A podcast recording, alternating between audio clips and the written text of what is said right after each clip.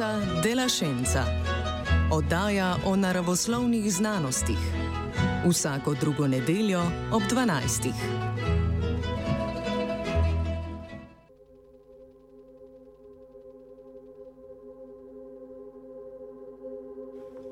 Šava sumi.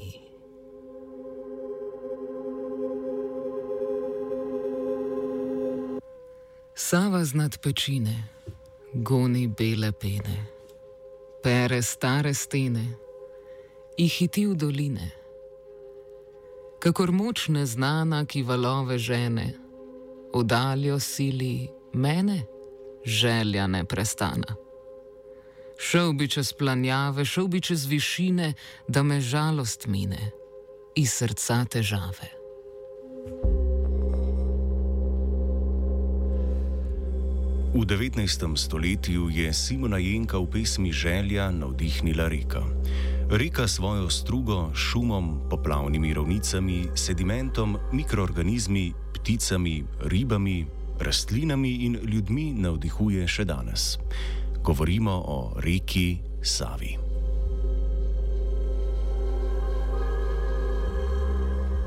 Današnjo frekvenco dela Šenco, oddajo, ki jo pripravljamo v znanstveni redakciji, posvečamo naši najdaljši reki, reki Savi. Spoznali bomo njene lastnosti in raznolikosti, ter se s tem poskušali približati pomenu te reke v današnjem času.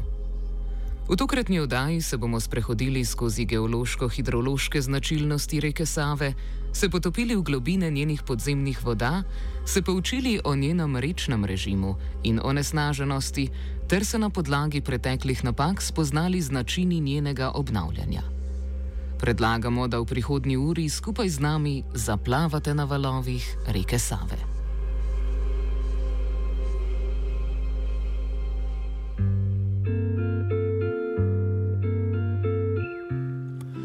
Začnimo pri samem izviru reke Save. Za njen začetek, torej prihod na površino, štejemo talni izvir imenovan Zelenci, ki se nahaja zahodno od Kranske gore. Na tem mestu se reka imenuje Sava Dolinka in pod tem imenom proti jugovzhodu teče vse tja do Radovlice, kjer se združi s Savo Bohinko. Začetek slednje predstavlja istok iz Bohinjskega jezera, ki ga imenujemo tudi desni povirni krak Save. Od sotočja naprej reki združeno nadaljujeta svojo pot z enotnim imenom Sava. Reka svojim tokom ustrajno potuje po Ljubljanski kotlini skozi sotesko-posavskega hribovja do Brežic, kjer vstopi v Panonsko nižino. Tam svojo pot nadaljuje vse tja do Beograda v Srbiji ali kot bi rekel gospod Preširan, kjer Donava Bistri pridruži se Savi.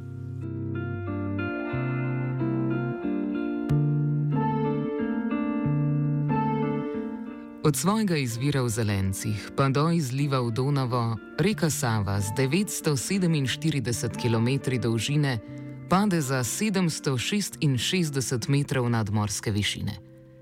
Pripada Donavskemu porečju oziroma širše gledano Črnomorskemu povodju. To pomeni, da se nahaja na območju, z katerega se vse reke stekajo v Črnomorje. V reko Savo se izliva tudi veliko znanih rek iz osrednje in vzhodne Slovenije, od Ljubljanice, Krke, Savinje pa do Sotle in Kolpe. Celotno območje, po katerem tečejo reka in njeni pritoki, imenujemo porečje. Celotno porečje reke Save obsega več kot 95 tisoč km2 oziroma več kot znaša površina Mačarske.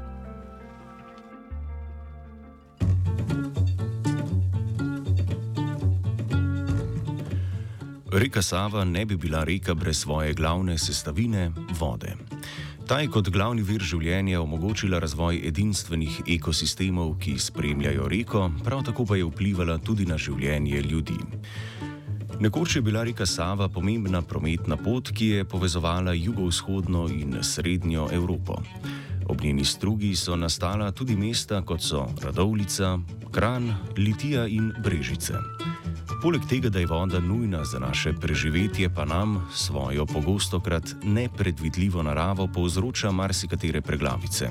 Da bi lahko kar najbolje razumeli gibanje vodnih sistemov, prisluhnimo, kaj se v rekah lahko naučimo od znanstvene vede, imenovane hidrologija.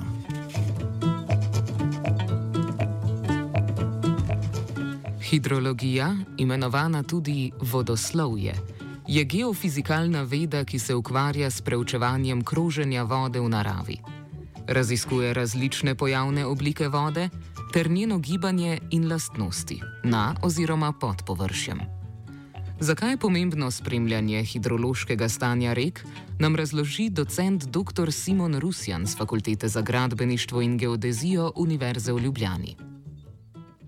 V bistvu spremljanje hidrološkega stanja rek nam omogoča neko osnovo za načrtovanje kakršnih koli rab oziroma urejanja voda. Ne?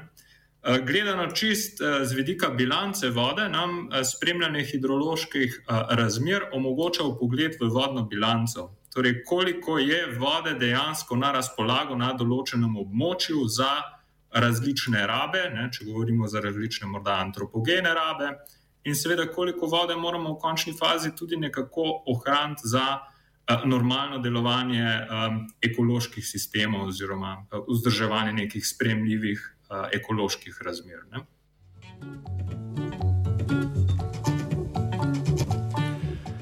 Poznavanje hidrologije je torej pomembno tako za razumevanje naše rabe rek, kot tudi za ohranjanje njenih ekosistemskih funkcij. Pridobljene informacije nam povedo, kakšna je razpoložljivost vode za različne namene, kot so oskrba s pitno vodo, potrebe kmetijstva in industrije. Poznavanje voda z hidrološkega vidika pa nam omogoča tudi podrobnejši pogled v tako imenovane normalne razmere rek ter njene ekstreme v sušnih in vlažnih obdobjih. S pomočjo pridobljenih podatkov spremljanja hidrologije rek lahko bolje razumemo vodno bilanco in lastnosti rečnega režima. Slednji podatek nam namreč pove, kakšno je nihanje gladine reke skozi leto. Več o tem, kaj je vodna bilanca in katere parametre merimo na področju hidrologije, nam pove dr. Rusjan.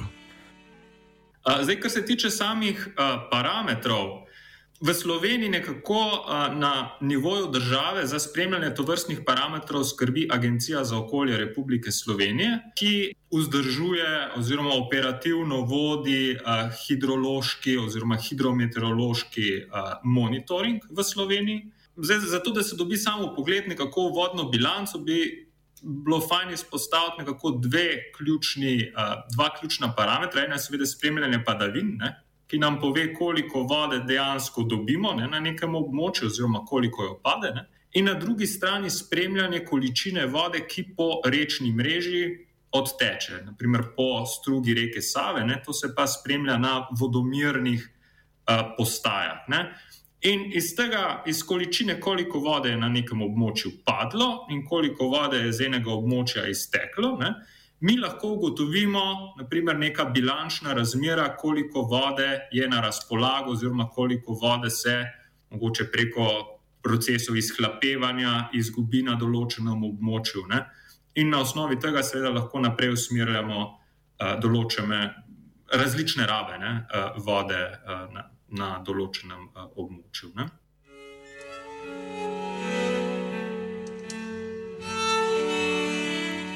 Ena izmed značilnosti reke Save je, da gre za izrazito hudourniški vodotok. To pomeni, da je celotna dinamika reke z iztekanjem padavinskega vodotoka in odtekanjem vode po rečni mreži zelo hitra. Spremembe, kot so naraščanje in upadanje vodne gladine, se lahko zgodijo v razmaku nekaj ur. Ključno vlogo pri takem vodotoku igra heterogeno prispevno območje. Upoštevanje in spremljanje njegovih lastnosti omogoča tudi boljše načrtovanje upravljanja z rekami. Zakaj je prispevno območje pomembno, nadaljuje Rusjan. Po mojem, najbolje na prispevno območje nekako gledati kot na tisto osnovno prostorsko uh, enoto, lahko bi rekli tudi vplivno območje, uh, se lahko tudi tako soroden izraz uporabi, ne, vodotoka. Torej, gre za območje, uh, v bistvu, z katerega se padavinska voda steka proti določenemu vodnemu telesu. Lahko je to reka, lahko je to stoječe vodno telo, jezero. Naprimer, In uh, v smislu nekih sodobnih pristopov k urejanju in načrtovanju rabe voda je ravno uh, prispevno območje nek osnovni element, na katerem naj bi načrtovali to rabo vode, ne? v smislu nekih uh, celostnih, integ, tako imenovanih integralnih pristopov k urejanju uh, voda. Ne? Torej, skušamo razmišljati, kaj vse. Lahko potencialno na nekem območju, ki je vplivno območje vodotoka, vpliva na razmere v vodnem telesu. Ne. Sama ta definicija prispevnega območja je zelo pomembna, ne, ker nam definira ravno ta prostorsko razsežnost in prostorski vpliv ne, določenih posegov.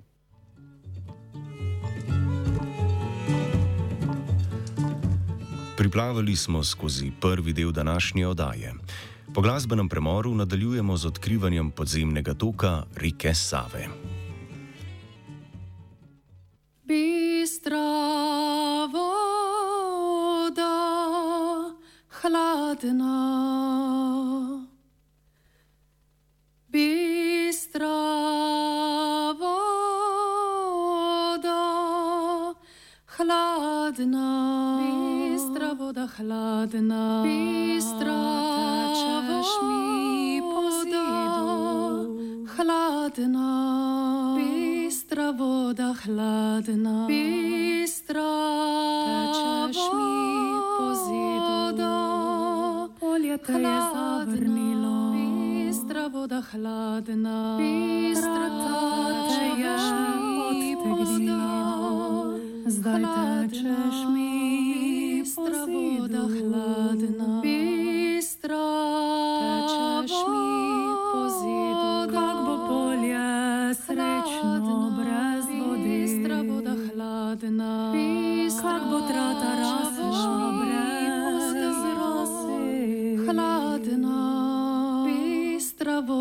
voda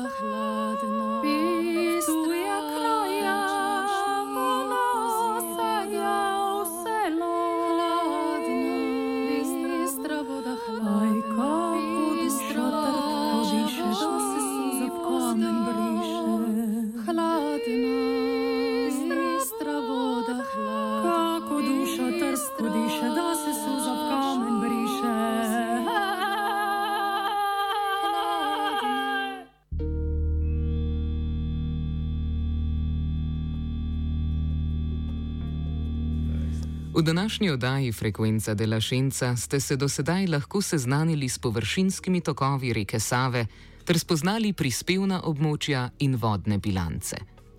Sedaj se bomo posvetili podzemni vodi in vodonosnikom, podrobneje pa bomo raziskali tudi pomen monitoringa.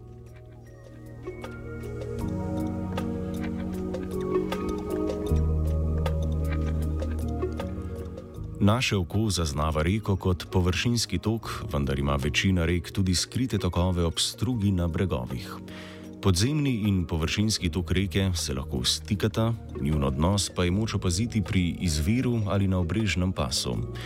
Povezavo med podzemnim in površinskim tokom opisuje hidrogeolog in profesor Mihajl Brinčič z oddelka za geologijo Naravoslovno-tehniške fakultete v Ljubljani.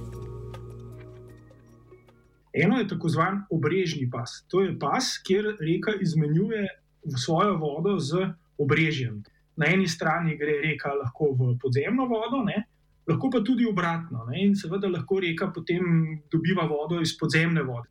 Če recimo pogledamo Savo, čisto konkretno, naprimer na območju Ljubljane, je Sava v bistvu v območju aluvialne ravnice. Aluvialna ravnica je sestavljena iz proda, iz peska, iz melja, pa tudi nekaj glinje, čeprav zelo malo, in pa tudi tu in tam notri so tako zvani konglomerati. In zdaj to so v bistvu, kako bi rekel, naravne danosti, ki regulirajo to, kakšen je stik reke Save, torej površinske vode, z podzemno vodo. In tukaj se Sava zelo obilno infiltrira v ta sediment, in temu sedimentu hidrogeologi rečemo vodonosnik. In ta vodonosnik ne, je tisti vodonosnik, iz katerega Ljubljana dobiva pitno vodo. Druga zgodba je pa seveda ta, ne, da pa tega stika med podzemno vodo pa reko ni. Ne, in to iz preprostega razloga, ker je struga reke lahko zablatena ali kolmatirana. In se tako v bistvu prostorsko gledano to vidi, kot da reka visi nad podzemno vodo. In takih primerov bomo v Sloveniji kar nekaj najdli. Recimo en tak tipičen primer je naprimer reka Drava na, na območju mesta Maribor v centralnem delu, ne, kjer v enem delu reka pa podzemna voda sploh nima ta stika. Ampak v, v principu pa velja, da so ti stiki prisotni. To je takrat, ko imamo vodo v strugi. Potem je pa druga zgodba, kako se reka napaja, kaj so njeni izviri. In če pogledamo reko Savo, ne, Reka Sava je pravzaprav zelo zanimiva, ker ima dva zelo močna izvira. Eno je izvir Save Dolinke in ta izvir so tako zvani zelenci. Drugi izvir, ne, zelo znameniti izvir reke Save, je pa Sava Bohinka, ki seveda izteka iz Bohinjskega jezera, ampak Bohinjsko jezero se pa napaja iz reke Savice. Savica je tipičen kraški izvir, zelenci pa zelo poseben izvir v sedimentih, to se pravi v prodno-peščenih sedimentih. Skratka, tukaj moramo gledati tudi z tega vidika, ne, kakšne so naravne danosti v prispevnem območju ali pa v, v porečju, kot temu rečemo. Ne. In tam je pa zgodba podzemne vode tudi zelo pomembna, zato da pravzaprav reka sploh, če lahko tako rečem, poenostavljeno deluje.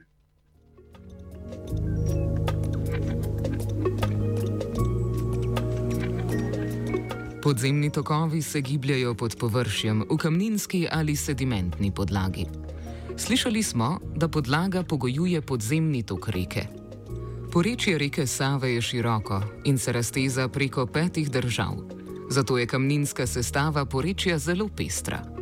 Bosno in Hercegovino oziroma južno prispevno območje reke Save Med drugim sestavljajo tudi magmatske in metamorfne kamnine, medtem ko severni del sestavljajo predvsem klastični sedimenti in sedimentne kamnine.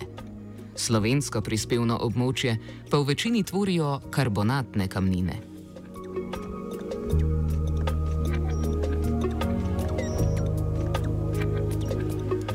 Podzemna voda skozi vsak tip kamnine teče z drugačno hitrostjo. Velika razlika pa je tudi v njeni količini. V primeru drobnozrnatih sedimentov, kot sta glina ali mel, bo pretakanje vode med porami zelo počasno ali ga morda celo ne bo. Ko pa se velikost zrn v sedimentni kamnini poveča, govorimo o peščenjaku ali konglomeratu, tok podzemne vode lažje teče skozi pore.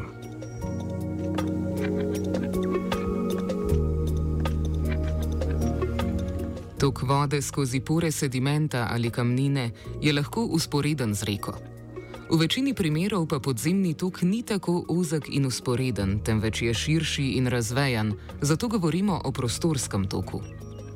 Poleg razlike med geometrijo površinske in podzemne reke, pa obstaja tudi velika razlika v hitrosti toka vode nad in pod površjem. Povprečna hitrost površinskega toka rek je 10 cm na sekundo, odvisno od naklona struge. Podzemni tok pa teče veliko počasneje. Najhitrejši se denimo premikajo s hitrostjo 2 do 3 metre na dan.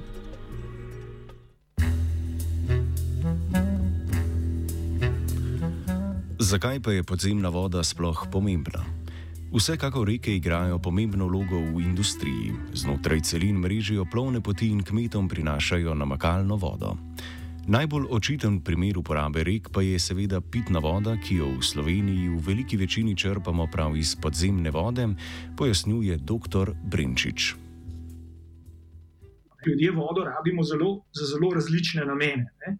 Najbolj esencialni namen je seveda pitna voda, in v Sloveniji večino pitne vode, tako rekoč skoraj 100%, pridobimo iz podzemnih vodnih virov. Zdaj te številke, nažalost, ne znam tako natresti. Ampak, če pogledamo porečje Save v Sloveniji, je porečje Save izredno pomembno kot vir pitne vode. Največji vodovodni sistem, torej Ljubljanski vodovodni sistem, ki uskrbuje 350 tisoč ljudi, je vezan na reko Savo.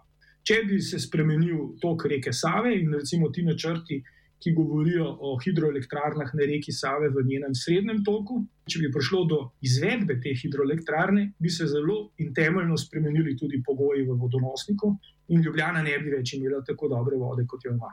Potem, če bi šli dol vodno, naprimer na Krško Brežiško polje, bi prav tako najdli črpališča, ki so odvisna od napajanja reke Save, in podobna zgodba je tudi v zgornjem toku reke Save. Kran je tak primer. Eh, naprej, više gor vodno, pa če se prav spomnim, v samem tem delu, ki je neposredno odvisen od reke Save, ni virov pitne vode za črpališča, eh, so pa seveda na rubovih, kjer je pa tudi posredno to potem odvisno od tega, kako celoten hidrološki sistem deluje.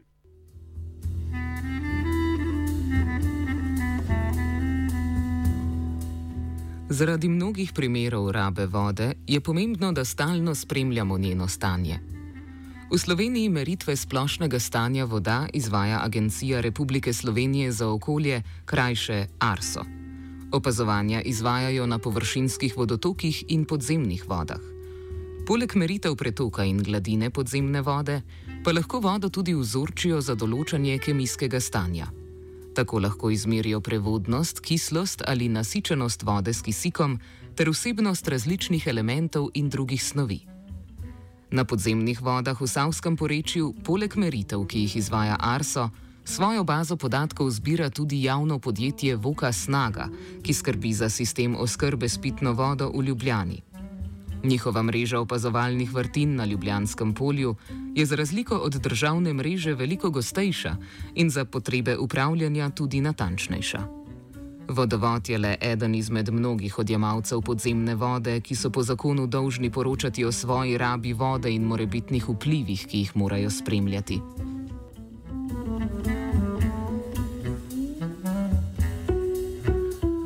Preden pa podrobneje proučimo odnos med človekom in reko, si privoščimo krajši glasbeni oddih.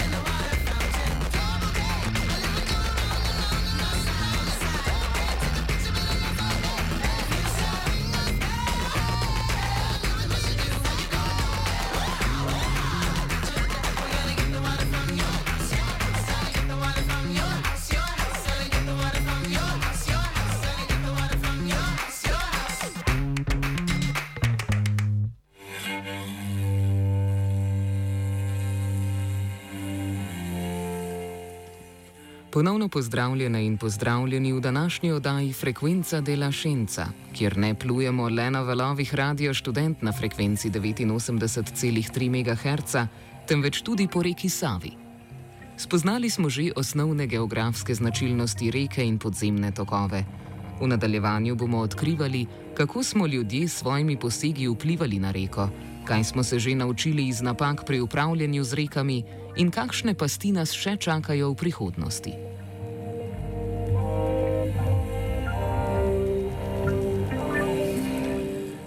Človek je redni spremljevalec reke Save. Ob njenih bregovih se je ustalil ter si jo skozi čas skušal podrediti in jo kar najbolje izkoristiti. S tem namenom je bilo na reki postavljenih več hidroelektrarn, njena voda je bila izkoriščena za namene industrije in kmetijstva. Prav tako je bila na več predeljih spremenjena njena rečna struga. Tako je bila še v 19. stoletju reka Sava na območju Ljubljanske kotline precej bolj široka, prosto tekoča in prepletena. Danes je njena rečna struga zožena v eno korito, zaradi česar je njen tok hitrejši. S temi posegi se je spremenil tudi rečni sistem. Najbolj očiten poseg človekovega delovanja je gotovo spreminjanje rabe tal, ki v večini primerov zajema preoblikovanje vegetacijskega pokrova. S tem spremenimo časovno in količinsko dinamiko stekanja vode v njeno porečje.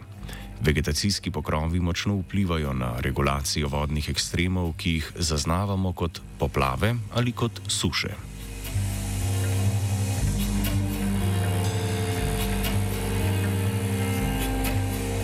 Slišali smo že, da ima Sava hudourniški značaj, zaradi katerega se poplave pojavijo hitro. V nekaj urah lahko voda naraste in kmalo zatem spet upade. Drugače pa se na poplave odziva reka Ljubljanica, desni pritok reke Save, ki teče čez Ljubljansko barje. Kraške karakteristike tej reki omogočajo, da velike količine vode zadržuje znotraj svojega sistema in zato tudi ob močnih nalivih Kraške reke ne poplavijo tako hitro kot hudourniške. Reka Ljubljanica deluje kot neke vrste naraven protipoplavni sistem, ki uravnava vodni režim na jugu Ljubljanskega polja.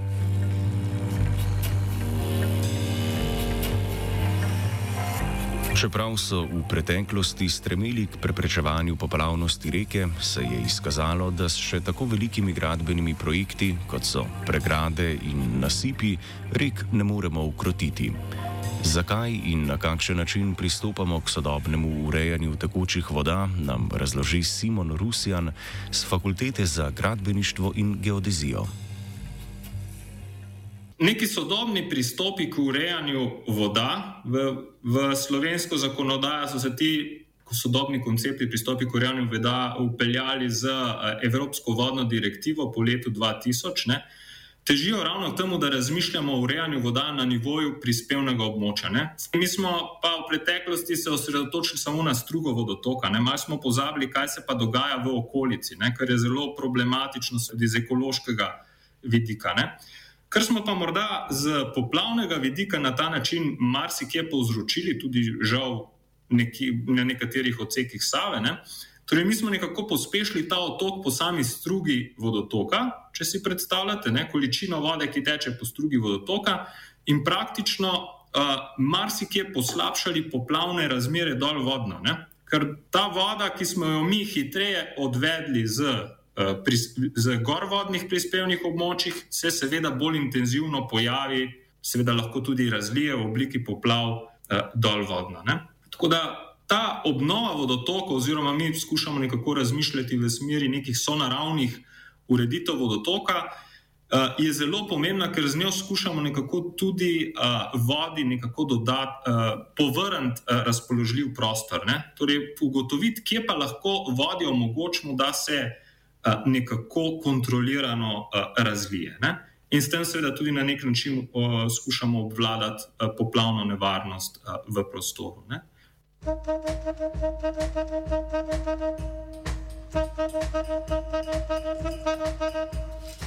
Reke v času poplavljanja lahko korenito spremenijo obliko svoje naravne rečne struge. A to vrstne spremembe lahko povzročijo tudi suše, ko so nivoji podzemne vode recimo tako nizki, da pride do zdrsov na bregovih. Profesor Brinčič kljub temu poudarja: Prepoznavanje suše ni tako preprosto, kot je prepoznavanje poplav.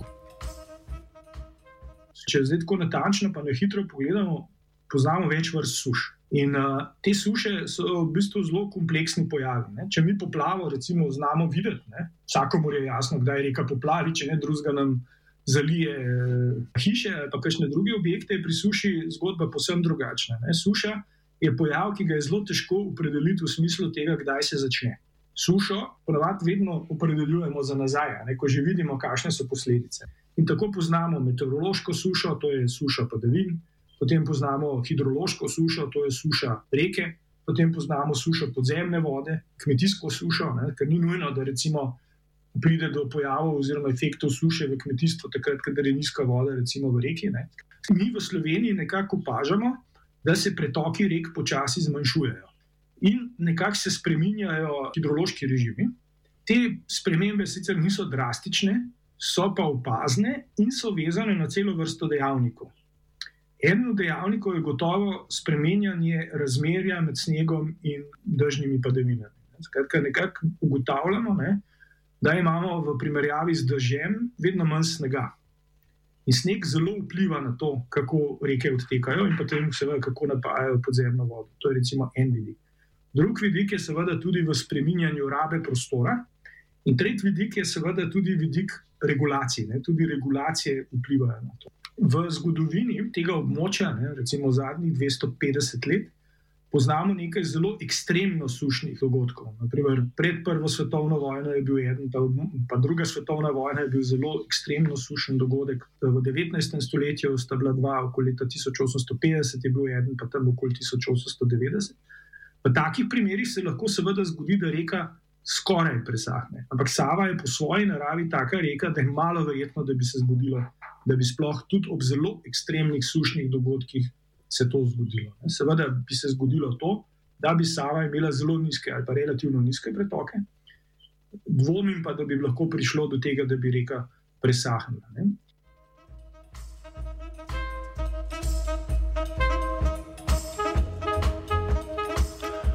Ljudje z rekami živimo in kot smo danes že večkrat omenili, se naše poseganje v njihovo delovanje kaže v spremembah v hidrološkem sistemu. Samo poglejmo Savo, ki je bila včasih plovna do Fužin. V tistih časih so, da bi lahko po njej splavili čim več tovora, rečno strugo ravnali in minirali. Poseben vpliv na vodni krok, čigar bistven del so reke, imajo tudi urbana območja.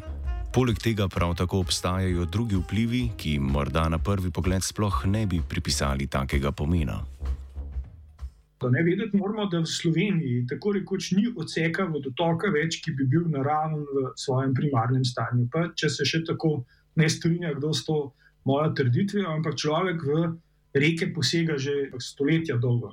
Seveda, zdaj, če ti spremeniš konfiguracijo reke, že s tem a priori spremeniš pretočni režim preprosto povedano, hitreje voda odteče. In tudi dolgo časa smo v Sloveniji na, na urejanju rek zasledovali to doktrino, ne, da je treba narediti zadevo tako, da voda čim prej odteče. Še danes bi te pristope videli, ampak to ni vedno najbolje. Uh, to je en primer. Drugi primer je seveda razvoj urbanih območij. Ne. Urbana območja so območja, kjer se popolnoma spremeni odtok padavin. Prej so padavine padle, pa so se infiltrirale v tla, pa so šla v recimo, vodotoke, pa so se tam v vodotokih do neke mere zadržali. Kaj se danes dogaja v urbanih okoljih? Ne? Voda nima več kam ponikati in kam teče. Teče v meteorni sistem ne? in potem to v naprej vodi si v neke recipiente. V najslabšem primeru pa celo na čistilno napravo, če stvari niso dobro načrtovane oziroma projektirane. Skratka, Vse to vpliva na to, kako voda odteka. Ne. Seveda, zdaj danes poskušamo celo vrsto stvari narediti, da bi te režime nekako ohranili, da ne bi bilo tako neposrednih vplivov. Ne. In tretji, mogoče zelo zanimiv eh, primer, ne, vpliva na hidrološki krok, ki ni dobro raziskan, imamo pa indikacije tega.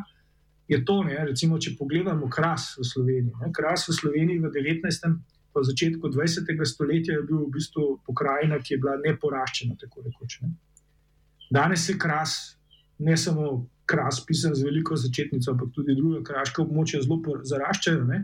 Drevesa imajo čisto drugačno hidrološko funkcijo in to vpliva na odtok. To je zanimivo. Ne? Zaradi tega, ker drevesa vplivajo na odtok, se kaže v nekaterih vodotokih tudi ta vpliv.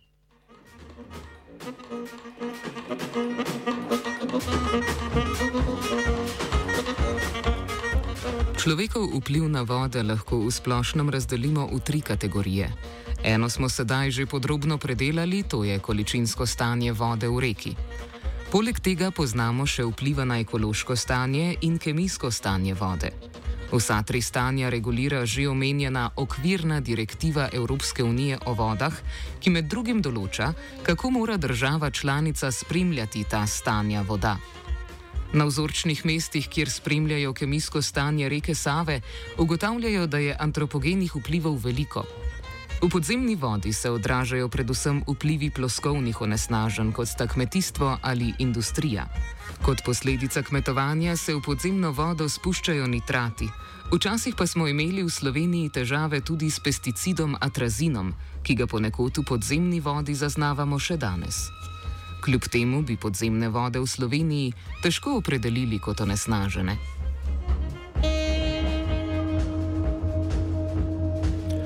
Pred nadaljevanjem pa glasbeni premor.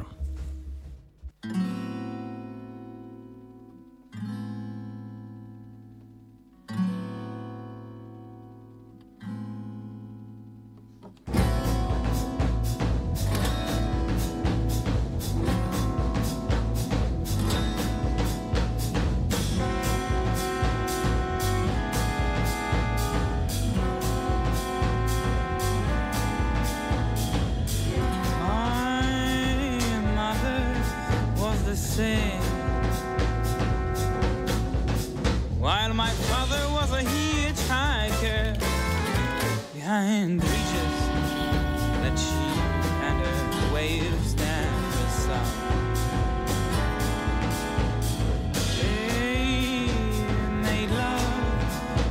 at the junction.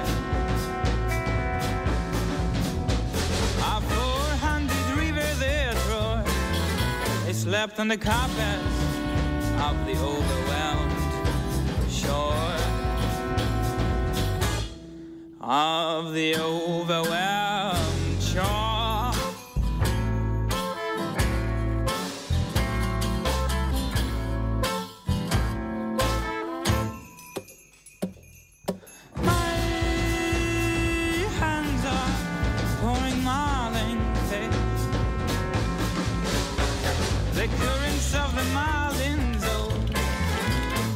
this melody is eaten by seaweeds and. I'm dropping the ocean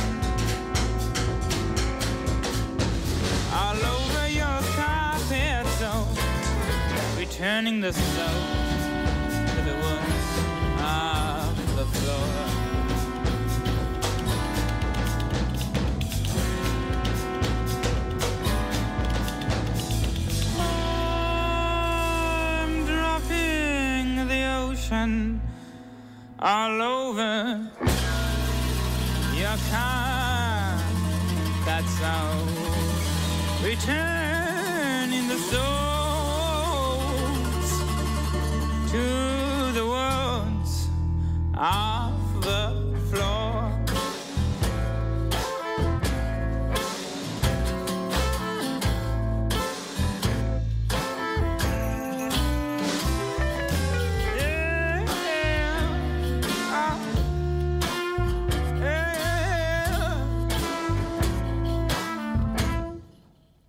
Where do you go, my dear son? I hear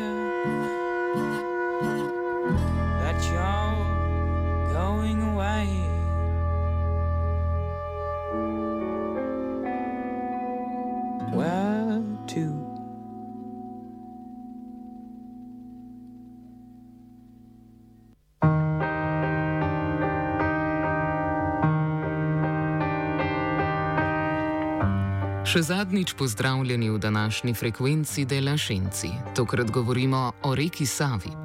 Pregledali smo že površinske vodotoke, podzemne vode in človeške vplive na Savo. Zdaj pa še nekaj o tekočih projektih.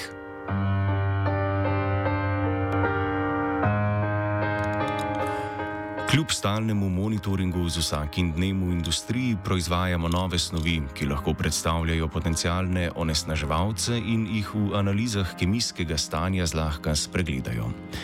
Obnašanja teh snovi umetnega izvora ne poznamo dovolj dobro in lahko zato predstavljajo potencijalno grožnjo tako ekosistemom kot ljudem. Taka so naprimer zdravila, kozmetični izdelki ali čistila. Slovenski hidrogeologi so se zato vključili v Interregov projekt centralno-evropske inicijative imenovan BO-DEREK. Namen projekta je upravljanje s temi novodobnimi onesnažili in odzivanje na z njimi povezane probleme. Vzroka za pojavljanje teh onesnaževalcev sta večanje porabe umetnih spojin, hkrati pa tudi razvoj analitskih tehnik, ki omogočajo detekcijo minimalnih količin snovi v vodi. Profesor Brinčič je vodja slovenske ekipe, ki sodeluje pri projektu.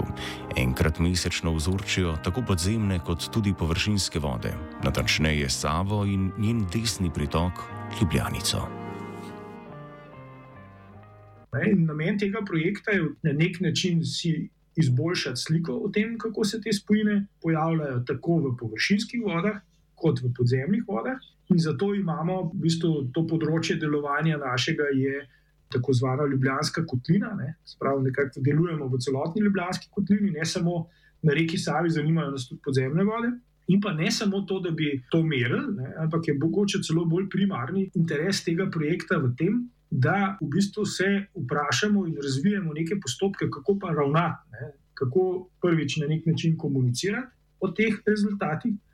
Drugič pa seveda, kaj zdaj narediti, ne? če mi recimo ugotovimo neke določene spojine v okolju, ki tja ne sodijo, ne? kaj zdaj narediti. Ne? ne moramo zdaj pač samo pasivno opazovati to, pa reči, da zdaj bomo pa pač počakali, da to odteče, preprosto povedano, ampak je treba pogosto neke ukrepe narediti. No, in eno od pomembnih segmentov je, kako te, te ukrepe uh, pač izvajati ne, na različnih ravnih odločanja.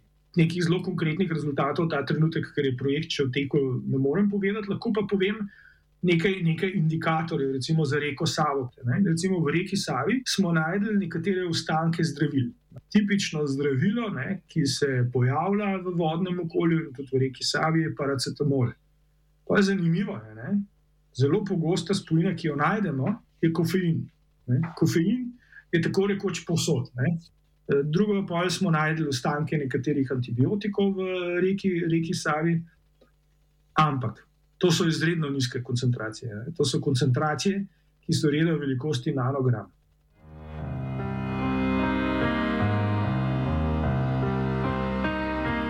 Vseeno pa ponovno poudarjamo, reka Sava je pod nadzorom in je v dobrem stanju.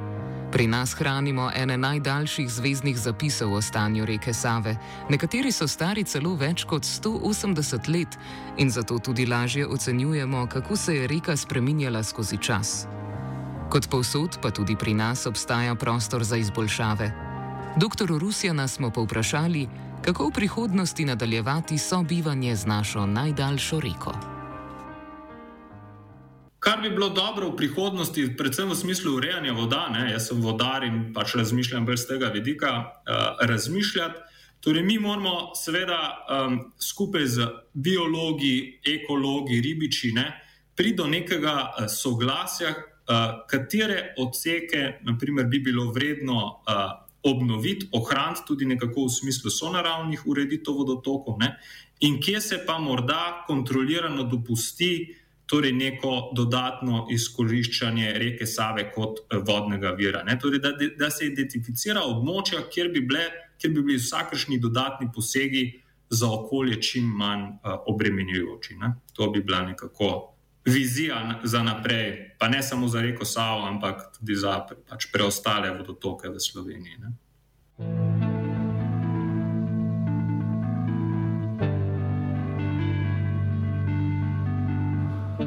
S tem tudi zaključujemo današnjo oddajo. Za vse bolj biološko orientirane poslušalce in poslušalke pa dobra novica. To je bila le prva od dveh oddaj o reki Savi, ki jih pripravljamo. Drugi del bo posvečen biološkim in ekološkim temam, zato se zvesto priklopite tudi na naslednjo frekvenco Dela Scienco, posvečeno naši najdaljši reki.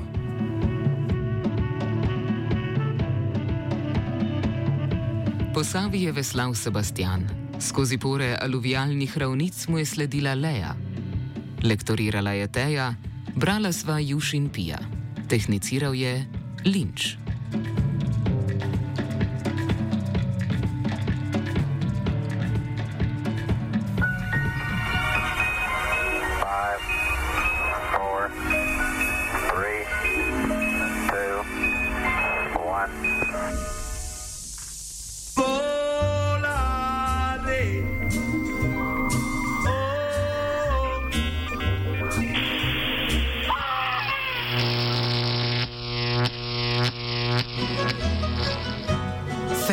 Frekvenca della Scienza. Oddaja o naravoslovnih znanostih. Vsako drugo nedeljo ob 12.